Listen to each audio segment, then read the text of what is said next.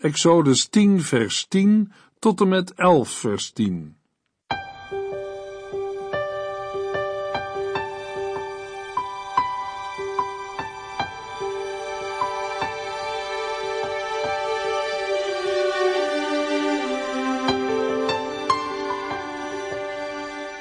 Hartelijk welkom bij De Bijbel Door, een programma van Transworld Radio.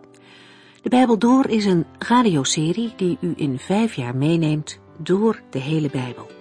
Van Genesis 1 tot Openbaring 22.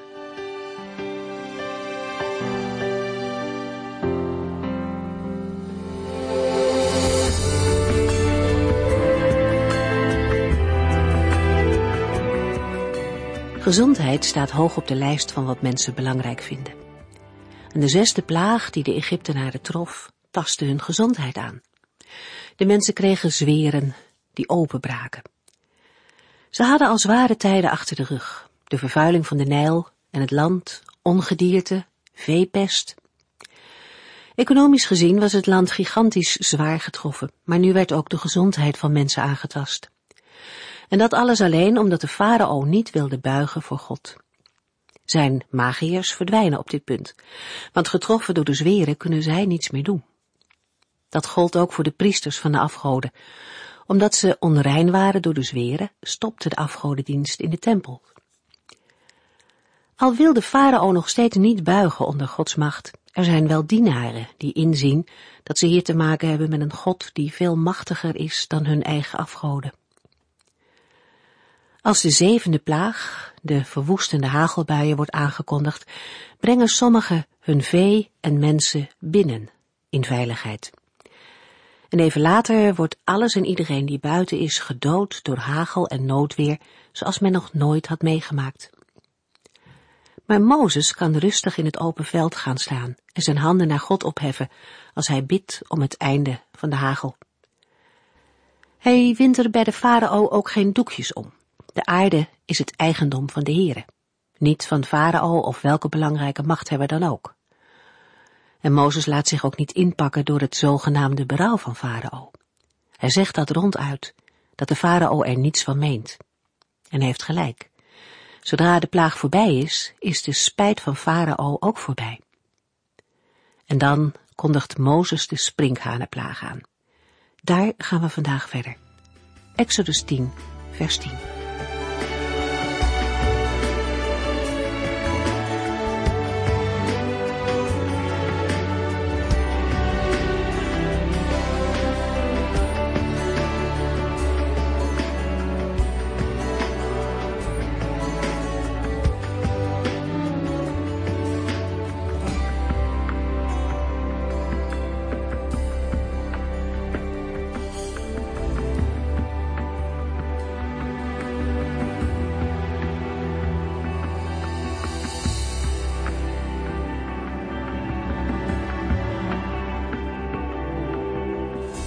Vorige uitzending hebben we gelezen en gezien dat de farao gevoelig blijkt voor de woorden van zijn dienaren.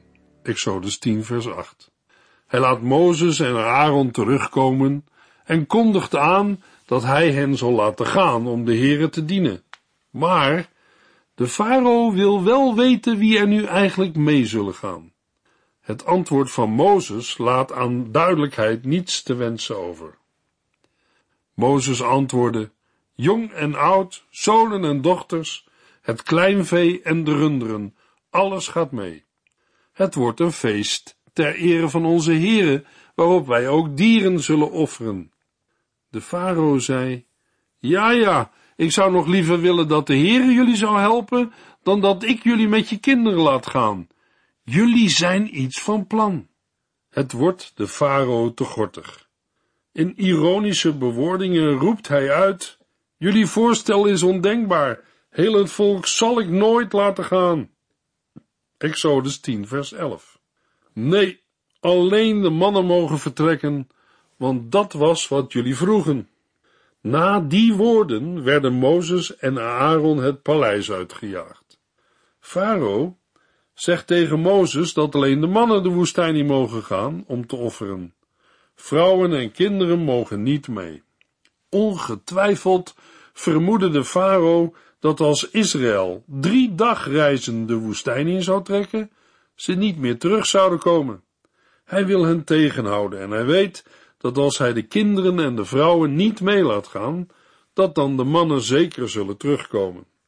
Farao bestookt Mozes met compromissen. Bovendien legt de farao ten onrechte Mozes en Aaron in de mond dat dit ook hun oorspronkelijke verzoek was. Ruimte om verder te onderhandelen krijgen Mozes en Aaron niet. Ze worden weggejaagd uit het paleis, een vernederende afgang. Ook vandaag wordt een gelovig en kind van God nog steeds bestookt met compromissen. Neem als voorbeeld het onderwijs. Als ouders niet opletten, worden hun kinderen opgevoed in een onderwijssysteem dat absoluut niet overeenkomt met het onderwijs van de gemeente van Jezus Christus. Maatschappelijk gezien is een algemene levensstijl de levensstijl waarin geleerd en gezegd wordt dat als een mens in de wereld vooruit wil komen, hij of zij zoveel mogelijk geld moet zien te verdienen. Het lijkt er vaak op dat het nooit genoeg is en er altijd meer wordt gewenst. In Lucas 12, vers 15 tot en met 21 zegt de Heer Jezus: Dat is nou iets waarvoor u moet oppassen. Verlang niet steeds naar dingen die u niet hebt, want het leven bestaat niet uit het hebben van veel spullen. Jezus maakt het duidelijk met een gelijkenis. Een rijk man had veel vruchtbaar land en de oogst was zo groot dat hij niet in de schuren kon. De man vroeg zich af waar hij alles moest laten. Ineens wist hij het. Ik breek mijn schuren af en zet er grotere voor in de plaats, zei hij. Dan heb ik ruimte genoeg om alles op te slaan. Als het klaar is, zal ik tegen mezelf zeggen: Jongen, je hebt voor jaren genoeg. Neem het er eens van. Eet, drink en geniet. Maar God zei tegen hem: Dwaas, vannacht zult u sterven. En wie krijgt nu alles wat u achterlaat? Zo gaat het met iemand die altijd maar meer wil hebben, maar in Gods ogen een armoedzaaier is. Mozes en Aaron wilden Farao's compromis niet aannemen, en dat maakte hem boos. Zijn boosheid bereikte echter niets, omdat een volgende plaag op het punt stond te beginnen. Nu duidelijk is dat de farao niet op andere gedachten te brengen is, krijgt Mozes de opdracht zijn hand op te heffen, zodat de sprinkhanenplaag zal uitbreken en haar verwoestende werk zal doen. Exodus 10 vers 12 tot en met 14 Toen zei de Heere tegen Mozes, strek uw hand uit over Egypte en roep de sprinkhanen op. Zij zullen het land bedekken en alles opvreten wat de hagel heeft laten staan. Toen strekte Mozes zijn staf uit over het land Egypte. De Heere liet de wind naar het oosten draaien en deze waaide een volle dag en nacht uit die richting. S'morgens voerde die wind grote hoeveelheden sprinkhanen mee over het hele land en ze streken neer.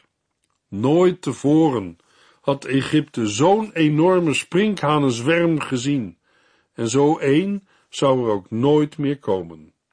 Overeenkomstig het woord van de Heere heft Mozes de staf in zijn hand op. Daarop steekt een oostenwind op, die een etmaal lang aanhoudt en een sprinkhanenzwerm met zich meevoert.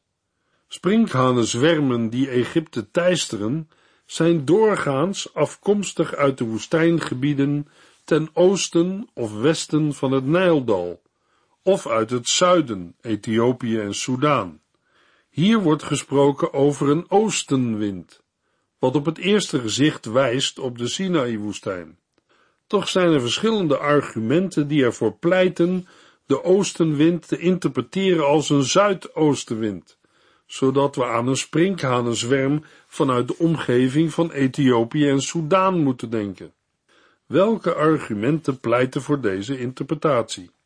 Als eerste, het is een bekend verschijnsel dat in dit gebied rond de maand maart grote zwermen sprinkhanen ontstaan.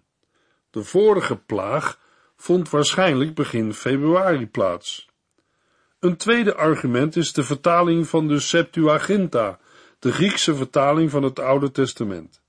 De genoemde vertaling vertaalt met zuidenwind. Het derde argument is het woord oostenwind. Het heeft in analogie met Genesis 41 vers 6 betrekking op de droge, hete Sirocco die in Egypte meer vanuit het zuiden waait.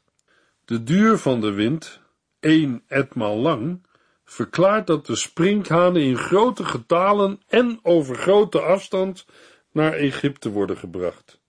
Daardoor heeft de plaag haar grote omvang. Ook uit onze tijd zijn voorbeelden bekend van sprinkhanenplagen die zich, gedragen door sterke wind, over grote afstand verplaatsen. De zwerm bedekt het hele land. Al het groen dat de hagelstormen overleefd had, wordt opgevreten. Een hongersnood is onvermijdelijk. Dit is de zwaarste sprinkhanenplaag die Egypte ooit getroffen heeft. Ondanks de respectloze manier waarop de farao Mozes en Aaron had behandeld, weet hij niet hoe snel hij hen weer bij zich moet roepen. Exodus 10, vers 15 en 16. De sprinkhanen bedekten elke centimeter grond en vraten alle gewassen en vruchten op die de hagel had laten staan. Nergens was nog een groen blaadje te vinden. Haastig ontbood de farao Mozes en Aaron en hij zei, ik heb gezondigd tegen de Heere uw God en tegen u.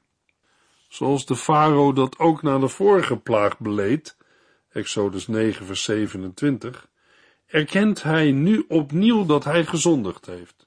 Hij vraagt om vergeving en voorbeden, opdat de plaag beëindigd wordt.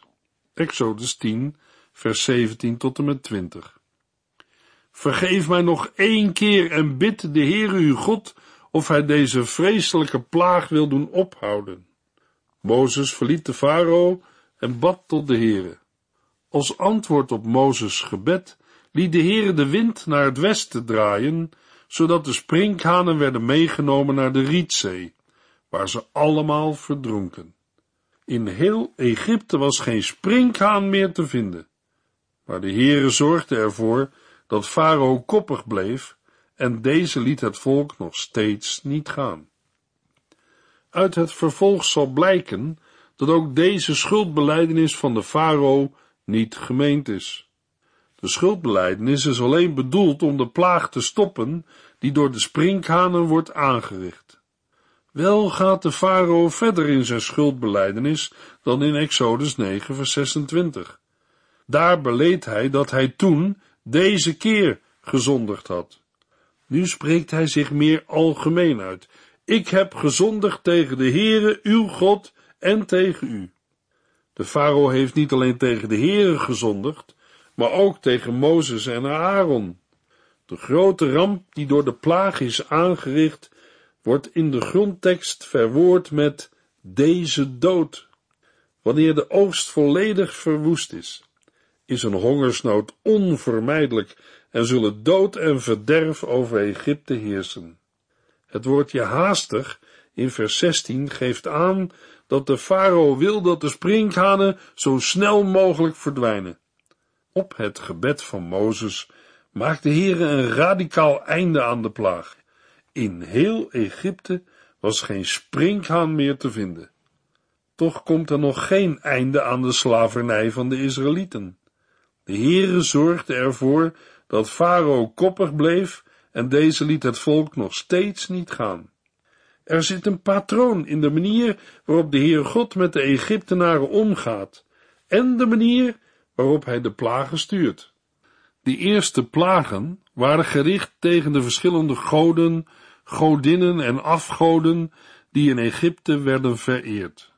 Nu begint de Heere God de plagen zo te rangschikken dat ze vreselijke ontberingen over Egypte brengen. Iedereen vecht om te overleven. De plaag van de sprinkhanen heeft verstrekkende gevolgen. Er wordt druk op de farao uitgeoefend. Zijn eigen dienaren proberen hem ervan te overtuigen dat de zaken er slecht voor staan. Het brengt farao tot tijdelijk berouw. Want op het moment waarop de plaag ophoudt, verandert hij weer van gedachten en blijft koppig. Nu gaat de Heer God hem dwingen om de Israëlieten te laten gaan. Exodus 10, vers 21 tot en met 23. Daarna zei de Heere tegen Mozes, steek uw hand omhoog naar de hemel en er zal een volledige duisternis over Egypte komen. Mozes stak zijn hand uit naar de hemel en het werd aardedonker in het land, drie dagen lang. Gedurende die tijd kon niemand een hand voor ogen zien en zelfs niet opstaan om iets te doen. Maar bij de Israëlieten was het volop licht. Evenals bij de derde en de zesde plaag komt ook de negende plaag zonder waarschuwing aan de farao. De Heer beveelt Mozes zijn hand uit te strekken naar de hemel, zodat Egypte gehuld zal zijn in diepe duisternis. Mozes doet wat de Heer heeft gezegd, en gedurende drie dagen is het aarde donker in Egypte. Duisternis wordt elders in het Oude Testament in verband gebracht met chaos, benauwdheid en dood. De plaag is dan ook een nieuw bewijs dat de macht van de Heere, die van de farao, voluit overtreft. Het is goed mogelijk dat de duisternis is veroorzaakt door de enorme zand- en stofwolken die meegenomen werden door een harde zuidenwind. Zo'n zuidenwind voerde grote hoeveelheden woestijnzand met zich mee en komt in het voorjaar in Egypte vaker voor. Normaal gesproken houdt zo'n zuidenwind of kamsin twee tot drie dagen aan en gaat dan liggen. In dit geval zal de duisternis veel sterker zijn geweest, omdat er na de vorige twee plagen niet genoeg vegetatie meer was om de zandgrond vast te houden. Door de harde wind en de dikke duisternis kunnen zelfs lampen geen uitkomst bieden. De duisternis is zo dik dat men elkaar niet meer kan zien en niemand zich meer durft te verplaatsen. Er blijft niets anders over dan leidzaam afwachten tot de duisternis is weggetrokken. Ook nu wordt het gebied waar de Israëlieten wonen niet getroffen door de plaag. De duisternis is een wonder van God en het brengt de farao ertoe om een vierde compromis voor te stellen. Het is het laatste compromis dat hij voorlegt voordat de Israëlieten het land Egypte verlaten. Wanneer de plaag voorbij is, tijdens de plaag was dat kennelijk niet mogelijk, ontbiedt de farao Mozes opnieuw. Exodus 10, vers 24. Ten slotte riep de farao Mozes bij zich en zei, Ga maar en aanbid de Heere, maar laat wel de runderen en het kleinvee achter. De kinderen mogen meegaan. Farao had al eerder een concessie gedaan, nu is hij bereid verder te gaan. Heel het volk mag de woestijn intrekken om voor de Heer een offerfeest te vieren. Alleen het vee moet in Egypte blijven, zodat de Israëlieten zeker zullen terugkeren naar Egypte, gehecht als ze zijn aan hun vee. Mozes laat zich niet uit het veld slaan. Exodus 10, vers 25 tot en met 29. Dat weigerde Mozes. Wij moeten al ons vee meenemen als offers voor onze heren. Er mag geen dier achterblijven, want wij weten pas wat wij aan de heren moeten offeren wanneer wij op de plaats van bestemming zijn. Maar opnieuw zorgde de Heer ervoor dat de farao hardnekkig bleef weigeren het volk te laten gaan. De farao riep Mozes toe, verdwijn, ik wil je niet meer zien. Als je het waagt hier nog eens te komen, zal ik je doden. Inderdaad, wij zullen elkaar nooit meer zien, was Mozes antwoord. Deze verzen maken duidelijk dat Mozes geen duimbreed toegeeft en vasthoudt aan de eis die hij namens de Heere al eerder bij de farao heeft neergelegd. Al het Israëlitische vee moet mee. Er mag geen dier achterblijven. Als argument voert Mozes aan dat nu nog niet bekend is welke offers de Heere van zijn volk zal vragen.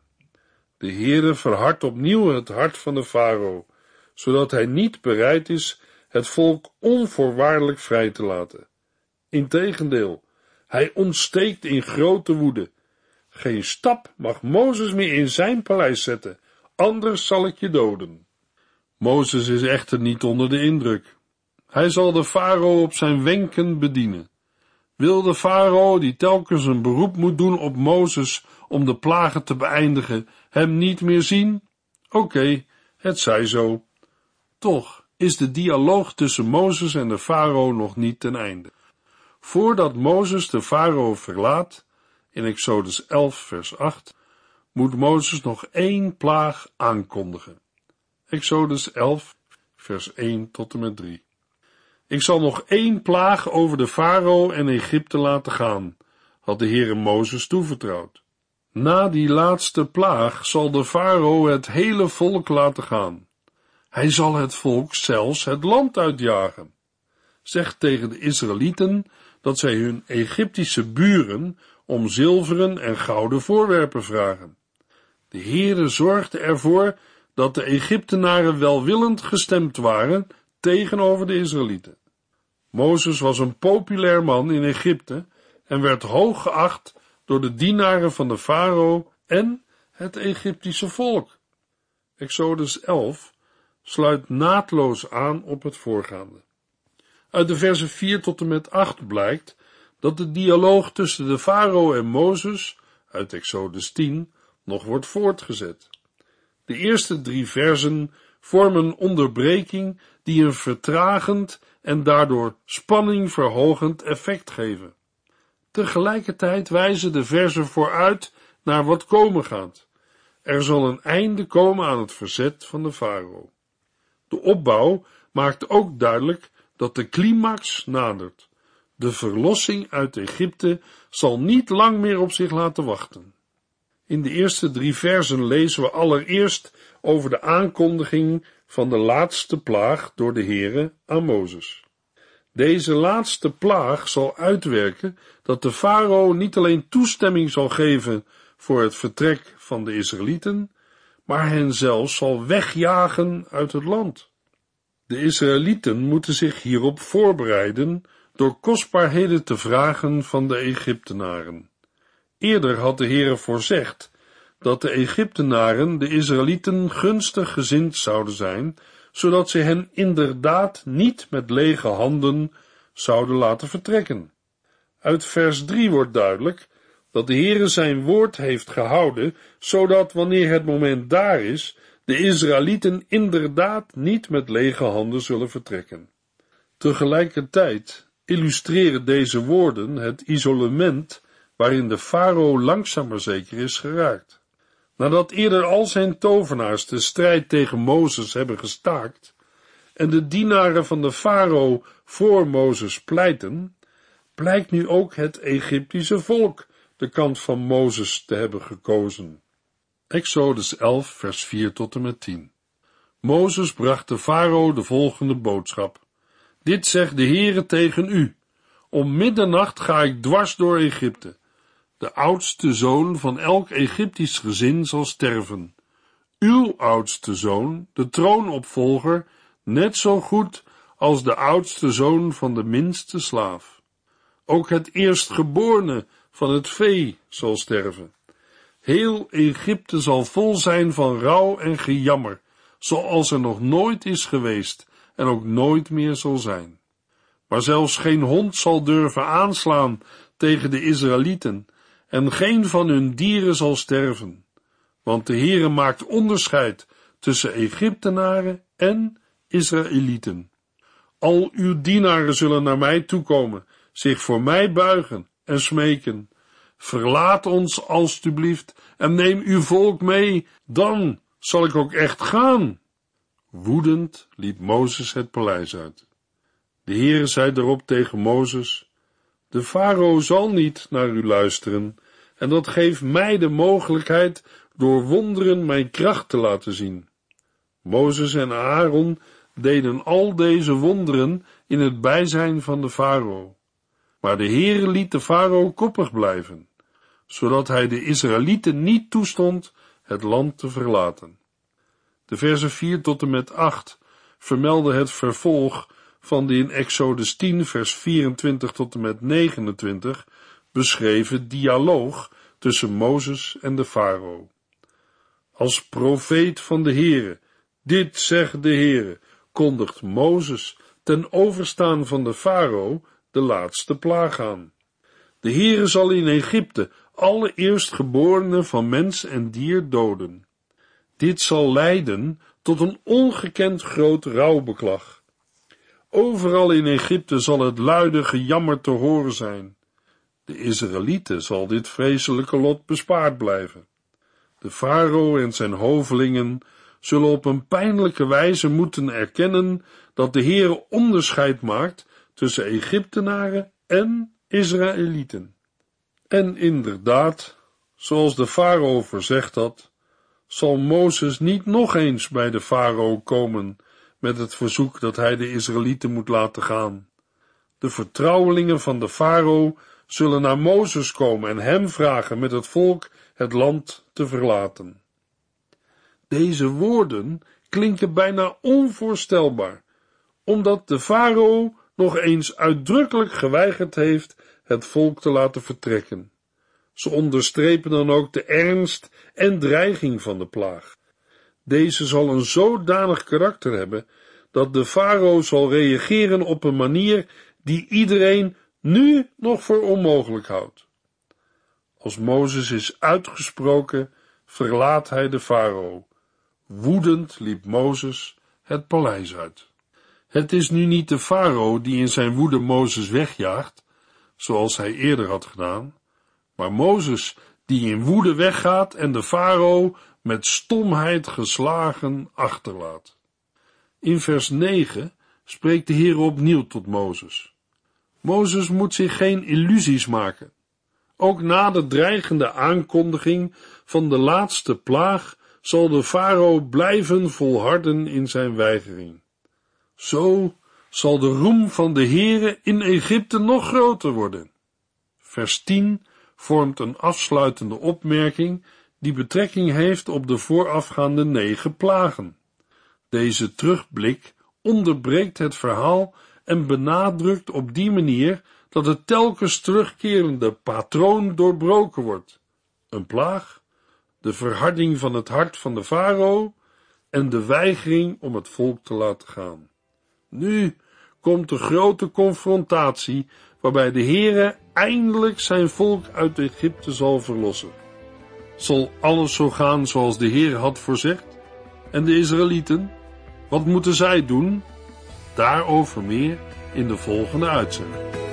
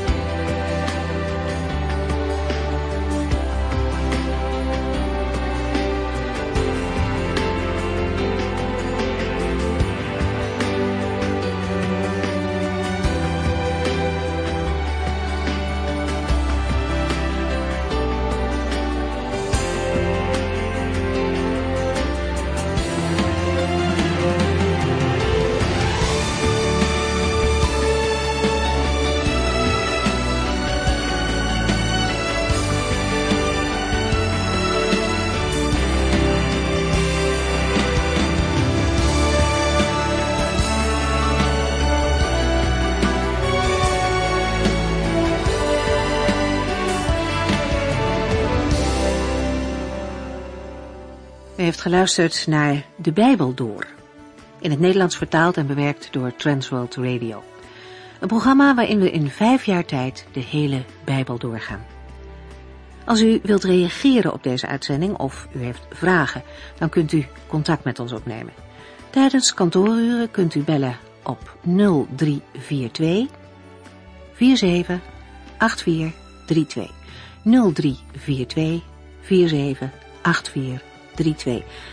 Ook kunt u een e-mail sturen naar de Bijbel transworldradio.nl en natuurlijk kunt u ook via de post ons bereiken. TWR, postbus 371, postcode 3770, AJ in Barneveld. Dit programma werd gepresenteerd door Cor Weda en Ike André. Techniek was in handen van Odin van Woerdekom. En wij allemaal bedanken u voor het luisteren. Graag tot de volgende keer.